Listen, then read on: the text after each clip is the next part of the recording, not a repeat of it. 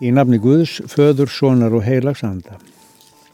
Ítrekkað segja frásagni Guðspjallana frá því og leggja áherslu á að hver einasti einstaklingur hefur aðganga frelsaranum Jésu Kristi. Hann læti sér andum syndaran. Það er góð vittneskja þegar við erum í þeirra hópi, finnum okkur seg og líðum undan því. Þá er hann þegar lagður á stað til að leita okkar og veita hjálp til fyrirkefningar. Heyrum orð úr 15. kabla í Lúkasar Guðspjáls. Allir tóllendumenn og bersundiður komið til Jésu að hlýða á hann, en farið sér og fræðimenn ömuðust við því og sögðum, þessi maður tekur að sér syndar og samneitir þeim. Jésu sagði þeim þessa dæmisögu. Nú á einhverjiðar hundra sögðu og tínur einum þeirra. Skilur hann ekki þá 99 eftir í óbyðin og fer eftir þeim sem tindur er þar til hann finnur hann. Og gladur leggur hann sögðin og herðar sér er hann finnur hann. Þegar hann kemur heim kallar hann saman vini og nágranna og segir við þá. Samgleðist mér, því að ég hef fundið sögðin minn sem tindur var.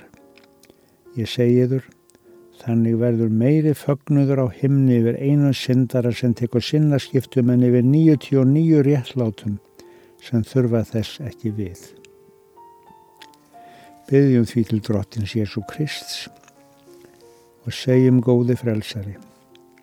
Þökksir þér fyrir að við fáum að heyra skilabóðunum að þú fyrirgefur allar syndir. Leitar uppi hvern einstakling til þess að taka hann þér á herðar til varveislu hjálpa okkur til að yðrast synda okkar, taka sinnaskiptum og þykja þína hjálp. Kennu okkur að fyrirgefa öðrum, leittu okkur til þess að lifa í sátt og vináttu við þá sem ganga með okkur í lífinu.